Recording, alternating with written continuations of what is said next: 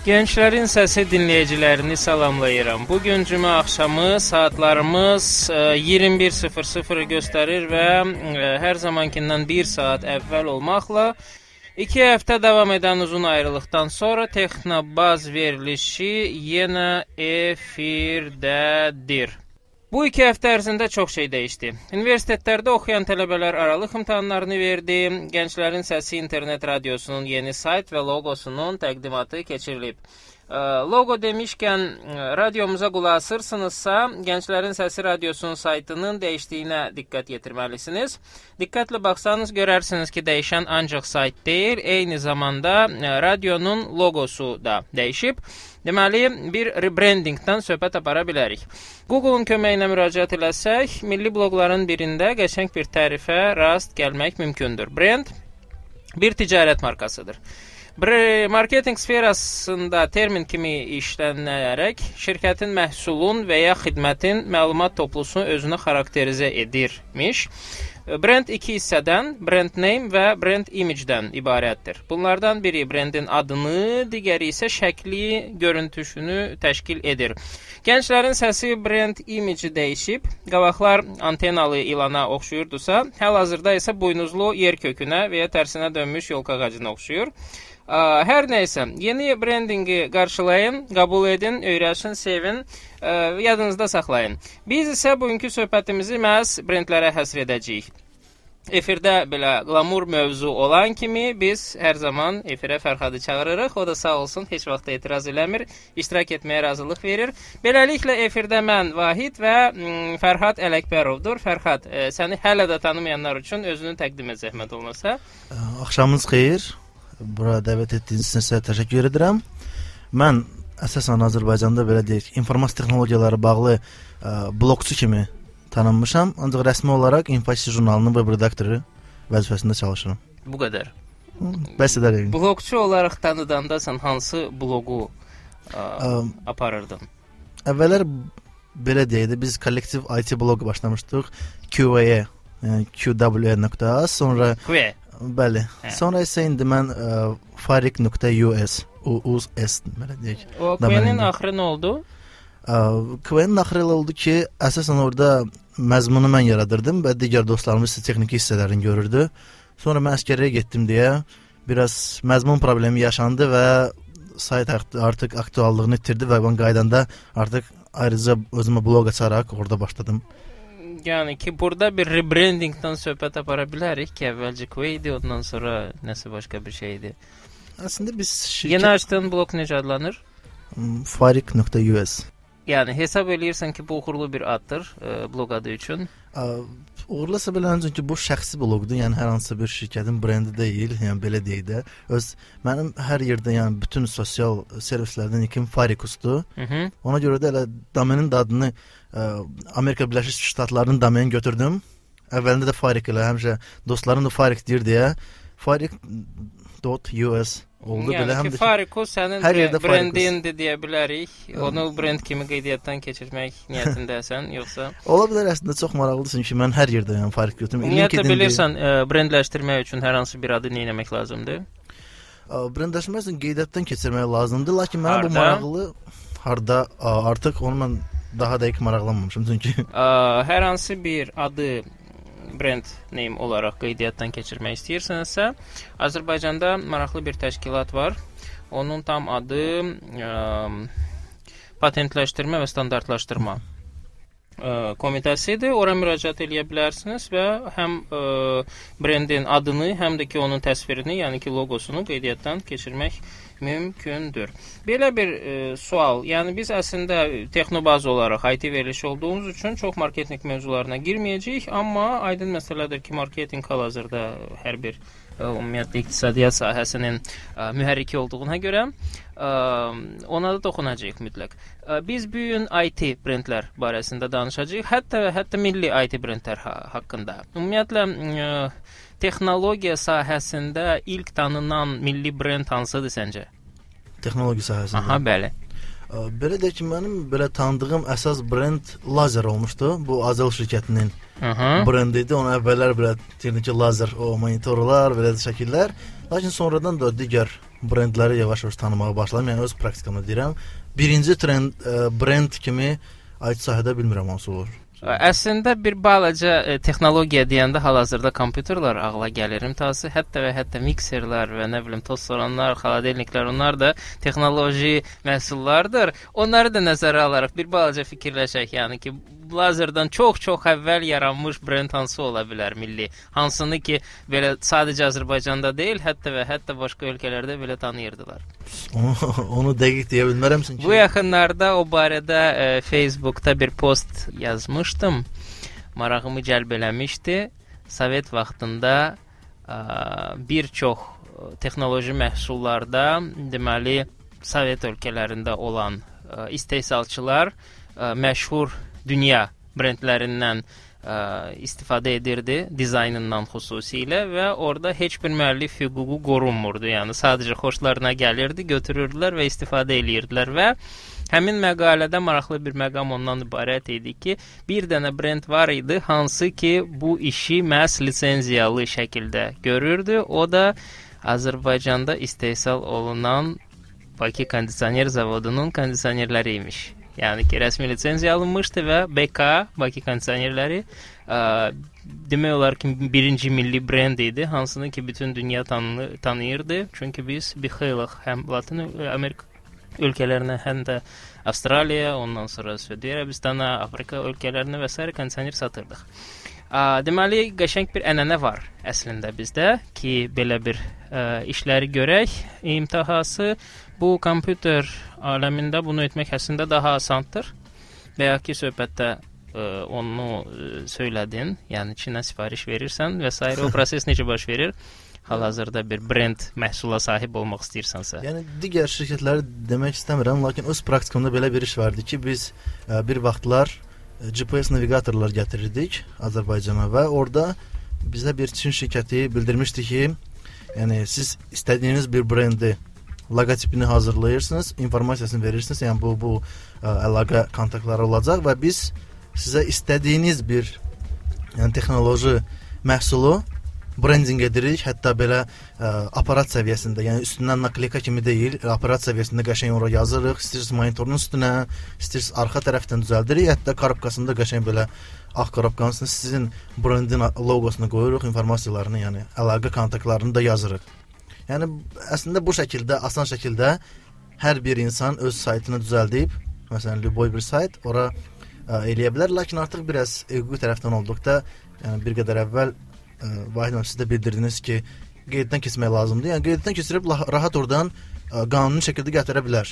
Yəni artıq keyfiyyəti aşağı, yuxarı olacağını artıq siz sifariş edəndə qiymətinə baxacaq. Aşağı ə, səviyyəli belə deyək, qurğular olur Çində, orta səviyyəli və yüksək səviyyəli və hətta digər hal-hazırda güclü brendlər kimi də onlar hazırlaya bilirlər. Necə deyirlər, puluna minnət. Lazeri bir də yada salaq. Deməli Azelin, rəhmətli Azelin ortaya çıxardığı brend idi. Bunlar bu brend altında nə buraxırdılar? Mən əsasən yadıma səhv etmirəmsə monitorlar düşür. Yəni digər informasiya internetdə var və mən belə orta, yəni öz praktikamda yəni deyirəm ki, mən monitorları əsas mən görürdüm. Çünki kompüterlər olaraq həmişə bizdə ə, mən hamı bilir ki, HP və digər kompüterin ən böyük hissəsi monitor yəni. olduğuna görə cəmaət monitorun markasını görür və deyir ki, hə, mənim kompüterim Samsungdur.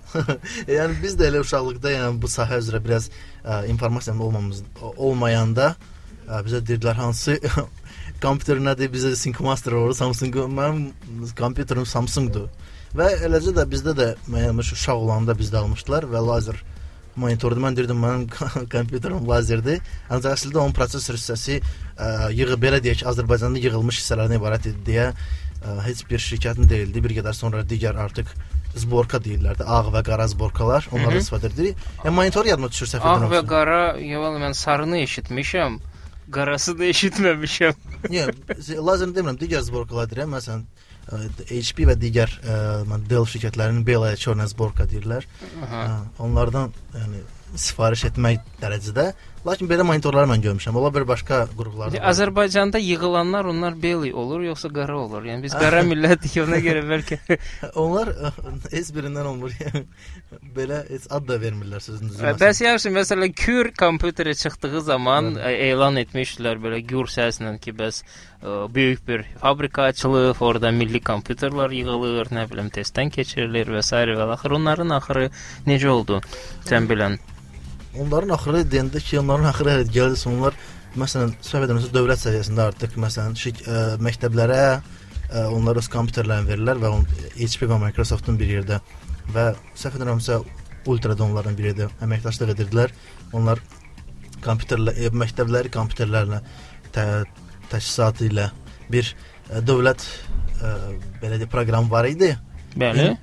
Çox güman indiyənə kimi də hələ qalıb, lakin belə satış cəhətdən bildirmək lazımdır ki, onsuz da digər ə, şirk böyük şirkətlər məsələn burada MyComp ə, və digər CompUS, DNS ə, mağazaları ə, bu kompüterlərin digər ə, hissələrini sifariş edib ə, onları yığırlar və bir yerdə kompüter adına satırlar. Mən hal-hazırda Körün saytına baxıram. Burada Kür Computers yazılır. Yanında da elektron avadanlıqları istehsalçısı olaraq adı keçir. Yəni ki, bunlar sadəcə kompüter istehsalı ilə məşğul olmurlarmış. Hal-hazırda bir çox ə, sahələri var. Xidmətlərin arasında indi baxarıq nələr mövcuddur. Ə, məhsullarda hotspotlar var, ADSL modemlər var, naqilsiz LANlar var. Yəni kompüterdən başqa hər şey var. Ə, yox, kür kompüterləri də var. Kür kioskları da var hətta. Kiosk. Hətta Kürtel belə ə, nəsə bir şey var, Yapon keyfiyyətini Kürtel ilə hiss et deyir.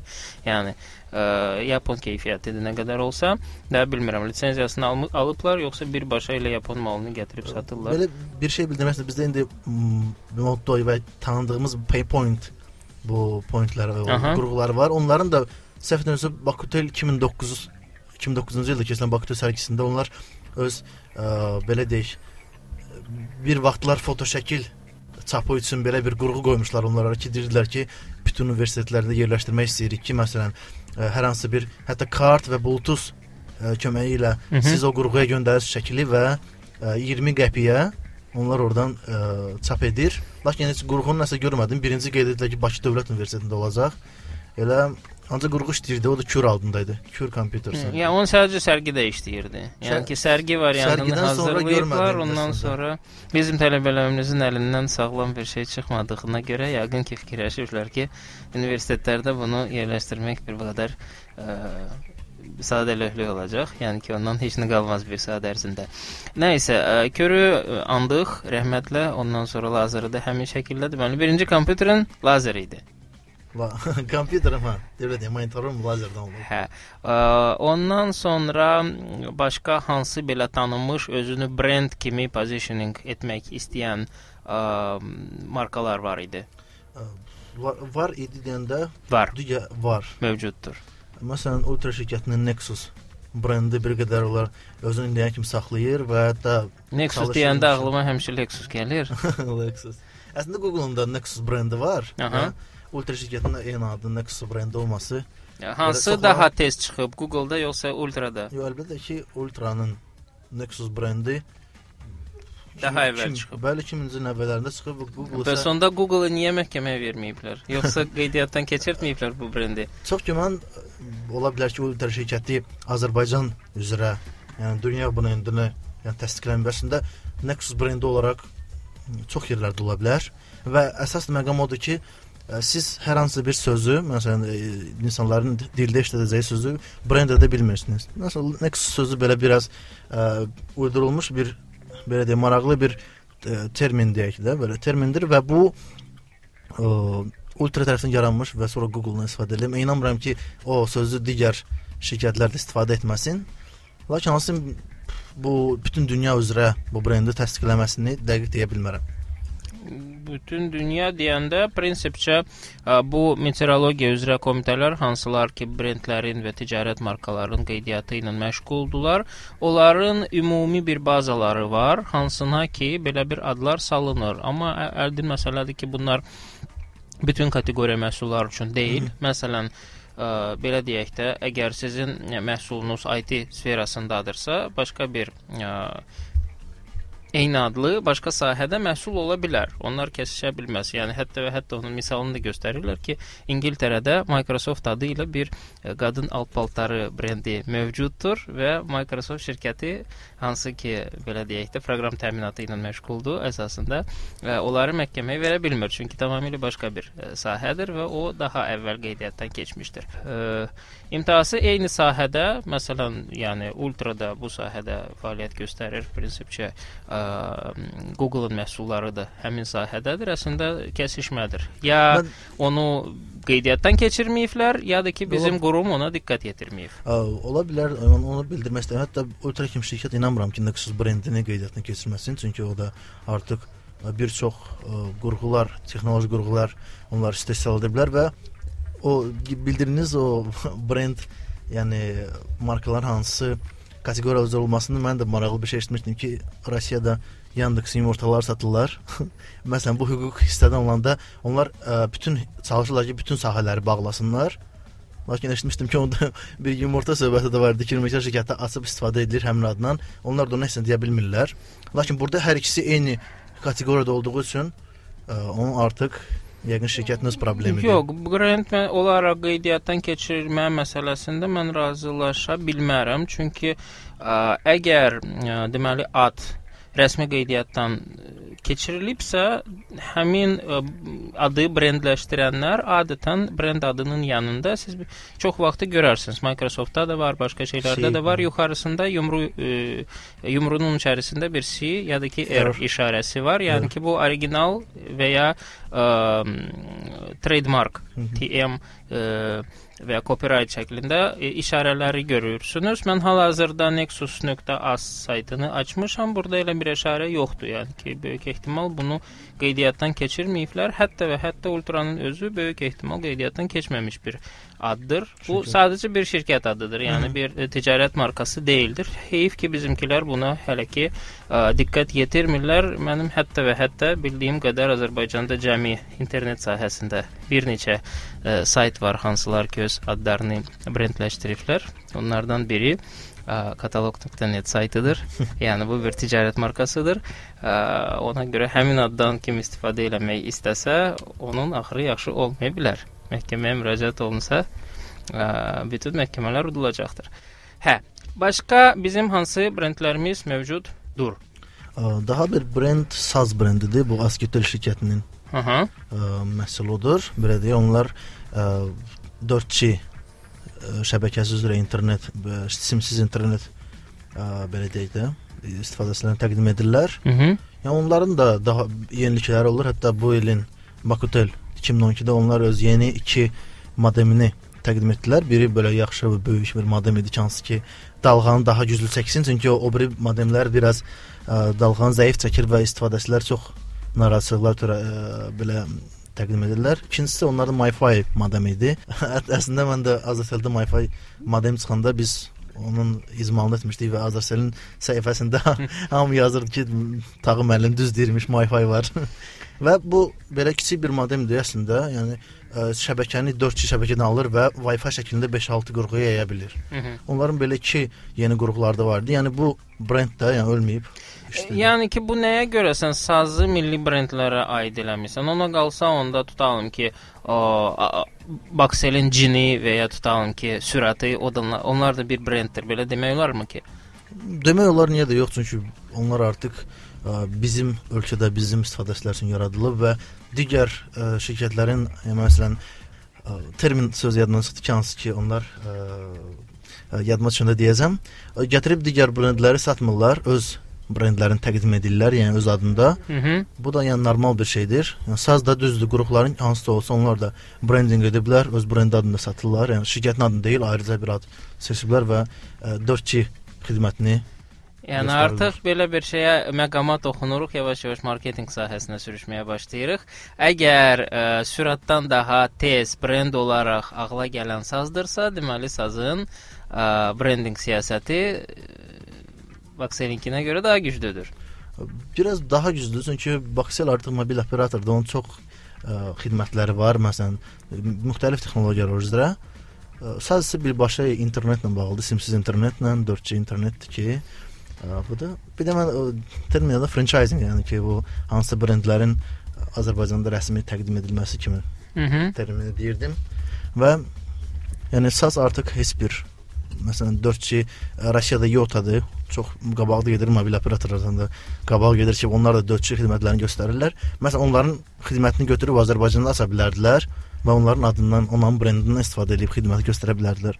Lakin onlar özləri öz brendləri ilə məsələn bu artıq çoxlu istifadəsini rəğbətini qazana biliblər. Dinləyicilərimizdən biri belə bir sual verir. Ə, yerli istehsalat yoxdursa, brend necə yarana bilər ki bizdə? Əslində yəni bizdə... Bu düzgündür ki, istehsal edən Çindir. Biz isə üstünə öz adımızı vurub, necə deyirlər, o filmdə olduğu kimi baxıram, heç e, Kitayski də deyil, nə bilim Nəzibilskidir, yoxsa Ərəbskidir o. Əslində biz e, daha çox iqtisadi cəhətdən düzdür, biz ə, bu sahə üzrə oxumasaq da, belə deyək də biz ə, istehlakçı ölkəyik. Daha çox bizdə zavodlarda ə, bir çox ə, texnologiyalar və hətta digər sahələr üzrə hazırlanmır, digər ölkələrdən götürürük bu işləri. Hətta tutaq ki, avtomobil sahəsində asfalt düzdür bizdə yığılır. Hı -hı. Və onu harda istehsal olunur, sıfır dərəcəsində də onu bilmək olmaz. Lakin tutaq ki, Apple-da götürsək, onlar da ə, məsələn prosesorunu bir Çin şirkəti eləyir, monitorlarını digər ə, Çin şirkəti eləyir və onlar artıq Amerika brendi kimi tanınırlar, onlar Çin brendi kimi tanımırlar ki.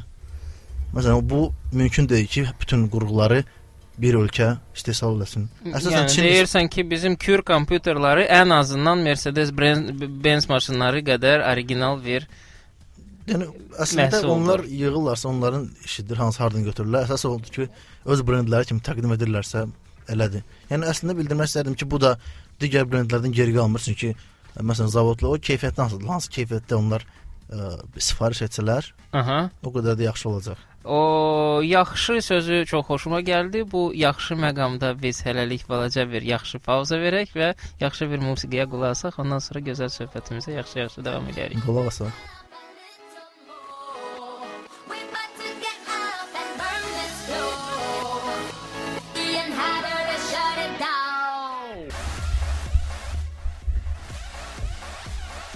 Maraqlı söhbətimizə yavaş-yavaş davam eləyək. Hərçənd bizim mahnımız hələ qurtarmayıb. Bizim efirdəki söhbət brendlər haqqındadır. Nəyə görə brendlər haqqında danışırıq? Çünki Gənclərin Səsi radiosunun səhifəsi, veb səhifəsindən söhbət gedir. Yenilənib rebranding baş verib, loqosu dəyişib. Ona görə də biz bugünkü mövzumuzu məhz milli brendlərə həsr eləmişik.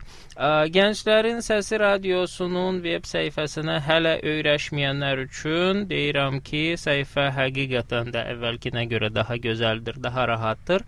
Ən azından ona görə ki, artıq efirə qulaq asmaq üçün xüsusi bir bölməyə girmək lazım deyil. Bu bir tərəfdən yaxşıdır. Dinləyicilər üçün. Ə, bizim üçün isə pisdir. Çünki canlı efirdə biz ə, həmin səhifəni aça bilmirik. Çünki ə, səs 2 dəfə ə, yayılır və bir müəyyən bir exo yaranır. Hə, studiyamızdakı qonaq Fərhad Ələkbərovdur, ə, milli brend üzrə ə, mütəxəssisdir və bizim deməli söhbətimiz belə ə, IT brendlər haqqındadır. Ə, Əzəldən bəri olan brendlər haqqında artıq danışdıq. Bu dəqiqə söhbəti bir balaca başqa bir e, yola istiqamətləndirmək istəyirəm. Ə, yerli şirkətlər səncə müstəqil brendlərdən istifadə eləsələr daha yaxşıdır, yoxsa dünya brendlərini ə, necə deyirlər, təmsil eləsələr? Yəni sənin üçün necə daha məntiqlidir? Məsələn, bir kompüter şirkətin olsaydı, sən ə, məsələn deyəlim ki, IBM kompüterləri satmağa üstünlük ə, verərdin, yoxsa tutalım ki, Lazer adı ilə və ya Faricus adı ilə kompüter istehsal edib onu satmaq istəyərdin? Yox, əlbəttə ki, ə, belə deyək də, yəni bildiyiniz kimi ad var və dünyada tanınırsa onu satmaq daha asandır. Yəni əsasən şirkətlər də ə, keyfiyyətdən, nədən nədənsə fikirləşmirlər əsasən bu işləməndə puldan fikirləşirlər. Biz pul qazanmaq, nə olur olsun. brend də dünyada tanınırsa, o burada da tanınacaq və insan tutaq ki, hər hansı bir smartfon almaq istəsə, Azərbaycan smartfonu eşitdikdə belə biraz o Azərbaycan kompüteri istəmirəm, istəmirəm, keyfiyyətsizdir. Əslində onlar bilmirlər ki, onsuz da onların digər smartfonlarla ya digər kompüterlərlə fərqi yoxdur. İçi hardasa düzəlib gəlir. Bir dənə yığılması burada yığılır. Və ə, ancaq adına baxanda biraz qaçırlar. Ona görə də xarici bir brendi gətirib satmaq daha asandır. Eləcə də məsələn jurnal deyək də, ə, Azərbaycan jurnalları var ki, belə deyək, fashion jurnallar ə, açırlar. Məsələn, Wedding Azərbaycan və və. Hə, belə fashion deyən kimi Kasm hə, gözləri parıldadı həmən Fərhadın. Yəni dediyim kimi belə glamur söhbətlər üzrə ə, hər zaman. Yəni misal gətirəm, sadə bir misal ki, hansın ki, hamı maraqlanır. Məsələn, Cosmopolitan və digər jurnallar daha super satılır. Ə, digər Nəinki Infocity jurnalı. İnfosiz Amma ona bəs... baxmayaraq gedib tutalım ki, hansısa PC World-un və ya PC mağazinin franchise-ını almamısınız. Məhz Infocity adı ilə başqa bir jurnal buraxmağa qərar vermisiniz. Bəli. Hmm. Əslində ə, qərarı bizim ə, red, məsələn redaktor verib bu Dmitri Andriyanov və Aha. əslində maraqlı bir Peşmandır səncə?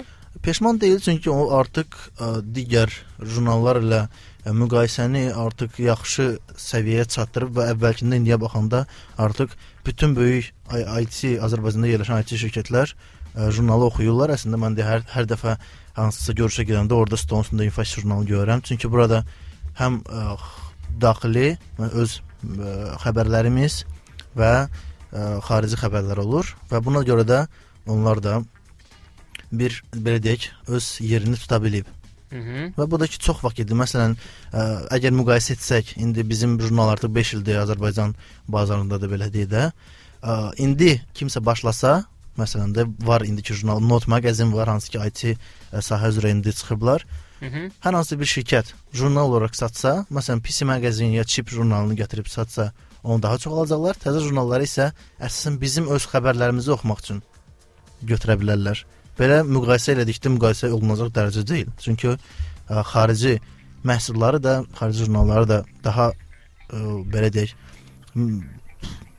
bilikli və daha professionallar yazır, düzəldir. Bizimkilər isə bizim onlar qədər biliyimiz yoxdur. Əfsuslar olsun ki, ona görə daha çox xarici brendlərə üstünlük vermək lazımdır.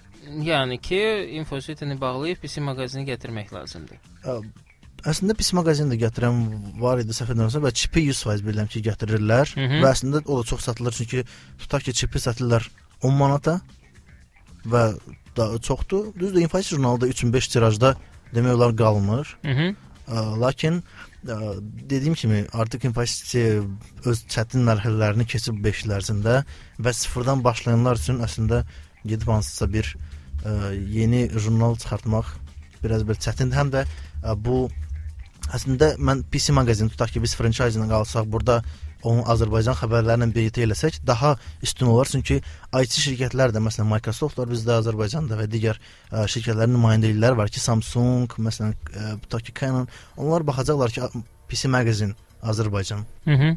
var. Orada reklam təklifi gəlib və hansısa tutaq ki, ə, bu hal-hazırda çıxan Azərbaycan dilindən Node mağazindir. Hı -hı. Və onların ikisinin fərqi isə əlbəttə ki, PC mağazinə verəcəklər. Çünki bu daha çox ə, belə adına görə tanınıb və kontentində əlbəttə ki, kim franchise götürürsə, o da ki, ə, artıq böyük komanda ilə başlamalıdır. Yəni 1-2 nəfərlə başlayası bir şey deyil. Mən və o daha çox deyiləm əslində. Çünki reklam verən sadəcə ada aldansa, Təbii ki, belə deyək də, çox ağıllı olmayan reklam verənlər mövcuddur. İmtası, yəni bilinçli reklam verənlər də az deyildir. Yo, yəni bildirəm ki, əslində tutaq ki, də biz pis mağazindədik də. Onu Hı -hı. bura gətirsək, onun ə, e, komandası ba çox balaca olmayacaq. Əslində böyük komandası olmalıdır və tiraj da böyük olmalıdır, satış qiyməti də böyük olmalıdır və ə, e, bu da digər ə, e, sadə bir jurnallarla fərq edilədən ediləcək dərəcə deyil. Məsələn, Forbes-u biz gətirsək Azərbaycanda Hı -hı. buraxsaq, digər bu səhvləri yazan jurnallar öləcək. Və hər bir brend ə, qaçıb bu Forbes-a reklam, Azərbaycan Forbes-una reklam verim deyə deyəcək. e, gedib hansısa bir digər jurnallara deyil. Vallahi Biz mən ona görə də qə- bura- qətiyyən eyni fikirdə deyiləm Fariq. Çünki ə, Biz artıq bunu necə deyirlər biraz e, görmüşük yəni deyə. indi tutalım ki, çip bazara girib deyə infosit ölməlidir. Yox, Yoxsa çipi gətirməyiblər əslində. Franchise sadəcə çipi yəni satırlar. bazarda HP kompüterləri satılır deyə lazer ölüb. Yəni məncə Əslində elədir, çünki Ona görə deyil. Məncə ona görədir ki, millət keyfiyyətinə baxır sadəcə. Yəni ki, ə, keyfiyyətsiz Çin malının üzərində ə, lazer yazıb satmasaydılar, keyfiyyətli tutalım ki, IBM monitorları gətirib üstündə lazer yazsaydılar, çox daha ya, böyük ə, uğur qazana bilərdilər cəmaət, çünki yenə də keyfiyyətə baxır nəticədə. Ya cəmaatı yəni cəmaat tərəfindən bəli ola bilər. Mən hal-hazırda yəni reklamodateldən, reklam verən tərəfdən Hı -hı. baxıram ki, onlar ə, hər halda yəni bütün ə, kontentə, oxunmasına, tiraja baxdıqdan əlavə adına da baxırlar. Yəni bu artıq fakt, dünya faktıdır ki, insanlar ə, ada aldanırlar. Hətta bu keyfiyyət cəhətdə də aşağı olsa, yenə də aldanır. Hər bir şirkətin ta ki ə, marketinq düzdür, marketinqə elə belə insanlar götürmürlər, lakin ad addır artıq. Hətta o aşağı səviyyədə olsa ad odur ki, bizim bu jurnalda reklamımız çıxır. Əslində oxucusu az olsa da belə. Deməli, deməli belə bir nöqtəyə gəlib e, çatdıq ki, ə, brend sadəcə ə, adı uydurub onu qeydiyyatdan keçirmək deyil. Ə, Bir də brend awareness-i, yəni ki, adın tanınmasını Tanınması əlbəttə ki. ə, deməli təşkil etmək çox əhəmilidir. Yəni ki, bu adla məhsul buraxmışam və salamla olmur. Ə, üzərində bir xeylıq işləmək lazımdır və burada Bəli, belə bir e, momentlər də var ki, prinsipcə bahalı satılan məhsulların e, qiymətinin böyük hissəsi məhz brendin qiymətidir. Yəni ki, Bəli. biz ə, əynimizə paltar alırıqsa Zara-dan ə, 100 manata, yəni ki, onun 80 manatı elə üstündə o Zara etiketi yazılanın adıdır. Məhsulun özü ola bilsin ki, 15 manata ə, məsələn Talkuçkada, Lökbatanda ala biləcəyimiz bir şeydir. Ə, sırf adına görə əlavə pul xərcləyirik. Amma adamlar da həmin ə, adı məşhurlaşdırmaq üçün bir xeyli pul xərcləyirlər, reklam xərcləyirlər və s. və axır. Yəni onun üçün ə, milli brend yaratmaq istəyiriksə, onun məşhurlaşması üçün də əziyyət çəkmək lazımdır. Yəni sırf tutalım ki, jurnal buraxmaq az deyil, azdır. Onun adını da populyarlaşdırmaq lazımdır ki, reklam verənlər də onun populyar olduğunu anlasınlar, dərk eləsinlər və reklamını versinlər. Bu həm reklam verənlər tərəfindən, həm də ki, istifadəçilər tərəfindən, yəni bu ə, istehlakçılar tərəfindən də çox ə, baxılır. Məsələn, mən paltarlara deməyəcəm, bildiyiniz kimi çox bir çox brendlər var ki, xarici brendlər hansını ki, gətirirlər, açırlar. Tutaq ki, texnologiya cəhətdən deyək, bu ə, Apple şirkətinin iPhone smartfonları vardı ki, onları mən maraqlanıram hər dəfə.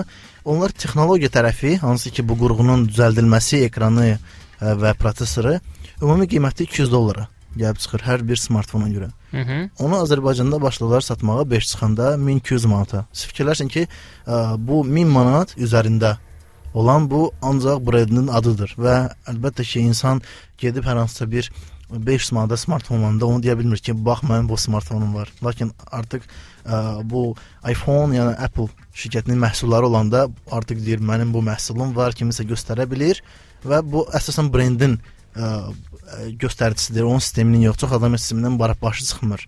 Nədir, nə deyil, hansı üstünlüklər var. Sadəcə adı var, onun loqotipi var və brend olduğu, brendi çox gözəl bir dünyada tanıdıldığı üçün onu göstərə bilir. Və bir çox adam da ondan e, sui-istifadə edir. Belə ki, ə, bəzən görə bilirik ki, brendin loqotipinə oxşar ə, belə başqa adlarla abibaslar zətlər çıxardırlar ki, ə, cəmaət ə, ola bilsin ki, görünüşünə aldanır imtası. Ə, Bununla əlaqədar bu yaxınlarda internetdə bir ə, maraqlı ə, şəkil görmüşəm. Deməli, avtobus astanovkasının üstündə səhv eləmirəmsə Koreyada belə bir ə, şey şəkil vurublar, poster vurublar. Deməli, kafe 4 dollar və ay kafe 12 dollar. Yaz, altında da yazılır don't be an idiot, yəni ki artıq pul ödə və idiot olma şəklində. Yəni həqiqətən brendə pul ödəmək ə, axmaqlıqdırmı səncə? Əslində belədir ki, axmaqlıq demək olmaz. Yəni insanın Məsələn, sənin telefonun istifadə elədiyin telefon hansı markadır? Mən Samsung şirkətinin smartfonudur. Yəni bu Google şirkətinin Fürsət rəsmi- düşsəydi və sənə kimsə Apple hədiyyə eləsəydi, sən və ya tutalım ki, belə bir seçim versəydilər ki, yəni ki, eyni parametrlə Apple və ya tutalım ki, Samsung Android, ə, sən hansını seçərdin? Yox, Amma düzün de. Mən ə, brendə baxmıram sözün düzü. Mən işlətdiyim smartfon yəni əslində ə, belədir ki, nə qədər baha olsa düzdür pulumuz çatır, lakin mən əsasən texnologiyanın üstünlüyünə baxıram və istifadə etdiyim Google servisləri olduğu üçün mən Google-un smartfonunu almışam bu Galaxy. Bəs yaxşı, belə deyək. Sabahları iPhone tutalım ki, Android sistemli iPhone-lar çıxsa, sən Android sistemli Apple alarsan, yoxsa Android sistemli Samsung? Yox, artıq yəni yəni mənə qeyd edirəm ki, mənə heç bir yəni hansı şirkətin buraxdığı maraqlandırmır. Məsələn, son Google şirkətinin son Nexus smartfonu LG smartfonlarına çıxdı. Əslində mən LG smartfonu heç vaxt almazdım. Mhm. Belə lap 100 manata gətirsəydilər mən almazdım. Lakin indi mənə maraqlıdır ki, Nexus 4 smartfonunu almaq istəyirəm. Çünki orada ə, göstəricilər hətta Galaxy S3-dən də güclüdür, iPhone 5-dən də güclüdür, qiyməti isə 350 dollardır və Google-un smartfonudur. Google da öz əməliyyat sistemini çıxartdıqda ən birinci yeniliyi öz smartfonlarına çıxardır. Sonra... Elə mən prinsipcə belə ona oxşar bir şey vermək istəyirdim bundan sonra. Məsələ ondadır ki, tutalım ki, hal-hazırda ə, belə deyək də Android-lə ən uğurlu ə, əməkdaşlıq edən şirkət Samsung olmağına baxmayaraq, hal-hazırda həmin sistemi ə, belə deyək də, kifayət qədər ucuz və olduqca keyfiyyətli no-name, yəni ki, qətiyyən hmm. heç bir brendə aid olmayan Çin məhsulları mövcuddur. Məsələn, tutalım ki, biz müəyyən parametri Apple-la məsələn 600-650 dollar pul ödəyiriksə, ə, həmin parametrlardan ə, ibarət hardasa 250-300 dollarlıq məhsul da almaq mümkündür. Yəni belə bir seçim olsaydı, ə, no-name yoxsa Samsung Yox, belə bildirim ki, yəni bildirdim ki, Apple şirkətinin də smartfonunun elə ə, tutaq ki, ə, belə texniki cəhətdən qiyməti 200 dollara gəlib çıxır. Qalanı brendin adıdır. Lakin brendin adının da bir şey var ki, onların servisi də çox yüksək səviyyəli olur. Məsələn, smartfon işləmədi, gəlib tamamilə qaytarıb yenisini götürə bilirsən. Eləcə də yeni əməliyyat sistemi çıxdıqda ona yenilənmə birbaşa alırsan. Lakin Çin smartfonlarında elədir ki, necə aldın, sındısa elə əlində qalacaq. Yəni onun sistemi yeniləyə bilmirsən, onun ə, qırıldısa heç bir yerdə düzəltdirə bilmirsən. Hə, Buna indi gəldik əsas məsələyə. Milli brendin uğursuzluqları. Yəni ki, Kürd zavodunu açmaq azdır. Azdır belə. Hə, bütün məktəblərə kompüterləri minlərlə satmaq azdır. Ondan sonra onların təminatını vermək bəli, lazımdır bəli. və ə, brendin ə, deməli o bahalılığını ə, əmələ gətirən şeylərdən biri də odur ki, əgər ad çıxartmısansa adın arxasında durmaq lazımdır. Xidmət göstərmək lazımdır. Xidmət əvvəl. göstərmək lazımdır. Əgər səndə texniki servis yoxdursa, sən bu xidməti göstərmirsən, sonda brendin aydın məsələdir ki, heç bir qiyməti olmayacaq. Bizim deməli bir neçə sualımız var. Mən sualları anlamağa çalışıram, amma ki anlamıram. Onun üçün oxuyum, ola bilsin ki ikimiz e, bir bəlkə baş çıxardarıq onlardan. Orxan yazır ki, Azərbaycanda hansı internet brendlərini görmək istərdiniz? Of, internet brendlərini deyəndə bəlkə saytları məsələn qeyd etmə, məsələn tutaq ki, e, eBay satış saytının Azərbaycanda belə bir eBay az kimi fəaliyyət göstərməsini bəlkə də bildirirlər. Bəlkə Google şirkətinin internet ə, belə layihə olaraq, brend olaraq Azərbaycanda Google azı var, iyi, bizə ondan nə xeyri? E, Google az belə bir şeydir ki, onu bildirim ki, bildiyiniz kimi axtarış sistemlərində bu onlar xüsusi alqoritm yazırlar və Google azın da Azərbaycan dilinin qrammatikası üçün alqoritmi çox zəifdir. Məsələn, onlar ruslar Yandex çıxartdığı üçün Google-da getdi, Rusiyada çıxartdı və orada ə, rus qrammatikasının alqoritmi işlətdi. Lakin bizdə hələ ki qrammatikası yaxşı deyil. Tutaq ki, bizim Google-un belə bir servisi var ki, Doodle, Doodle çıxardırlar. Məsələn, orada bizim də ə, məsələn müstəqillik günümüz və digər digər günlərdə Türklərin məsələn... belə Böyük Millət Məclisinin yarandığı gün ə, Türkiyəyə həsr olunmuş Doodle bəli, mövcud idi. Google azda Doodle'lar çıxır xarici ölkələr üçün, lakin öz Doodle'umuz olmur. Çox maraqlı Doodle'lar olur və hətta bilmədiyim informasiyanı orada ala bilirəm, hansı ki, bu hətta multfilmlərlə bağlı kimin onların ə, yaradıcısı kimdir və digər digər ə, informasiya düzüllərini götürürəm. Məsələn, buna necə baxırsan? Əslində hər bir brend çalışır ki, öz loqotipini elə istifadə eləsin ki, o dəyişməsin, hər kəsin ağlında qalsın. Amma Google məsələ ə, ondan heç qətiyyən çəkinmir və öz loqotipini çox gülməli vəziyyətlərə salır. E, yəni Doodle adı ilə o, onu müxtəlif şəkillərə qoşur və s. Yəni ki, onlar heç qorxmurlar ki, cəmaət ondan məzələnəcək. Google belə bir ə, doğrudan maraqlı politikası var ki, hətta bu şəkildə bundan da əlavə etsək ki, məsələn Google müxtəlif servislər açaraq onlar istifadə olunmayanda ə, yığıb cəmaatı belə bildirir. "Vəsə biz bunu saxlayırıq, bağlayırıq." Bizdə bu alınmadı. Məsələn digər şirkətlər bunu edə bilmir. Apple-da, Microsoft onlar öz servislərini axıra kimi bağlamırlar ki, yox, bizdə alınacaq. Əslində uğursuz alınıb və uğursuzluğu göstərmirlər. Google isə sadəcə bir belə bir işləri var ki, alınmadı, isə bağladıq, getdi. Onlar belə çox sadə yanaşırlar hər bir şeyə. Ona görə öz loqotiplərini də ə, belə dəyişməyə ə, belə də üstünlük verirlər və maraqlı bir cəmaatın belə deyək, onları istifadə edən insanların marağını əldə etməyə çalışırlar. Çünki hər bir ölkədə bunlar ə, tutaq ki, bu dudulları yaradaraq onların istifadəçiləri özlərinə cəlb edirlər. Yəni bizdə də bu hal-hazırda yəni Google-dan başqa heç kəsi yoxdur deyə onların marağı yoxdur. Nəsə dudul işlətsinlər və bura gəlsinlər. Deyirsən. Ə, deməli, əgər bizim ə, bu şey nədən asılıdır? Yəni milli brendlər də yaradılmır, başqa brendlər də bura gəlmək istəmir, ə, Azərbaycana maraq göstərmirlər. Yəni Azərbaycan biz brendsiz ölkədə yaşamağa ə, belə deyək, ə, məhkumuq səncə? Yox, yəni hətta bir Yəni elə Çin malı ilə keçinək, Zara giyməyək. Yəni biraz insanlar pul xərcləməsi biraz azdır deyə. Yəni bir təbəqə var ki, hansı ki, çox pul xərcləyir, lakin onun ə, faizi azdır. Digər bir çox böyük təbəqə ə, çalışır ki, az pul xərcləsin. No hər yerdə elədir. Yəni mən elə bir ölkə tanımıram ki, orada ə, hər kəs çalışsın ki, pul, çox pul xərcləsin. Yox, çox pul xərcləmək, yəni ki, pul xərcləmək belə deyək ki, ə, ad tənəsi var ki, məsələn, ə, tutaq ki, Amerikada kinoya kimsə yükləyib belə pirat sərvisinə baxmır. Onlar artıq gedirlər hər bir kinonu kinoteatr izləyirlər və bu belə bir deyək adətənəyə çevrilib və onlar bu adətənəni pozmurlar. Onlar pul xərcləyir. Elə olsaydı onda ev kinoteatrları nəyə görə istehsal eləyiblər? Ə, onlar artıq köhnə belə deyək onları birbaşa təzə kinoları ba baxmaq baxmırlar, lakin bizim ölkədə tutaq ki, biz hətta yeni kino bir çıxıb onu birbaşa kinoteatrdan ə, yükləyib rahat baxırıq elə kamrif deyirlər, yəni çəkirlər kimsə göndərir, biz də ona tutaq ki, açıb evdə baxırıq elə premyera günü. Bir gün keçib bir ardı baxır, əslində bu düzgün deyil, pul xərcləməm. Ona görə də şirkətlər pul qazanmayacaq deyə gəlib burada pul xərcləməyə ə, belə deyək də maraqları yoxdur. Bir də bildirmək istərdim brendlər barədə bir fakt ki, bizdə ə, brendi çıxardanda belə deyək ki, məndə bu var. Tutaq ki, bu yaxınlarda BM Technology şirkəti var. Onlar Aha. Baku antivirusu yaratdılar. Hı -hı. Əslində səhv etmirəmsə bu AVG antivirusu idi. Bəli. Yəni o nüvəsi.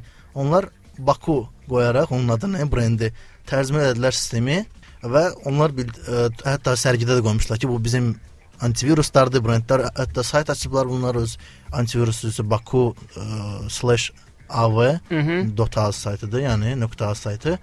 Burada onlar antivirusunu satırlar. Azərbaycan brendi adını əslində sistem başqasının dönəzdəki Kitay ə, qurğular gətirib üstünə adını yazıb satırıq. Onlar da antivirusu da həmin ə, səviyyədə göstərirlər. Əslində onlar Kaspersky, Node və digər ə, Norton deyək ki, antivirusların rəqib olmaq yox, bizdə bu var, yəni dırnaq çarəsində və bizdə də antivirus var bizdə deyə bir ə, göstərmək istəyirlər. Hər şey var. Azərbaycan zənginliklər ölkəsidir və bu da belə deyək, çox gözəl, çox ə, fəxr duyulası bir faktdır. Həmin faktla mənə elə gəlir ki, hər kəsin artıq belə əhval-ruhiyyəsi artıb. Həmin faktla biz verilişimizi yavaş-yavaş yekunlaşdıraq. Yenə gözəl bir musiqi gəlsin. Biz isə gedək, dincələk. Gecəniz xeyrə qalsın. Sağ olun. Sağ olun.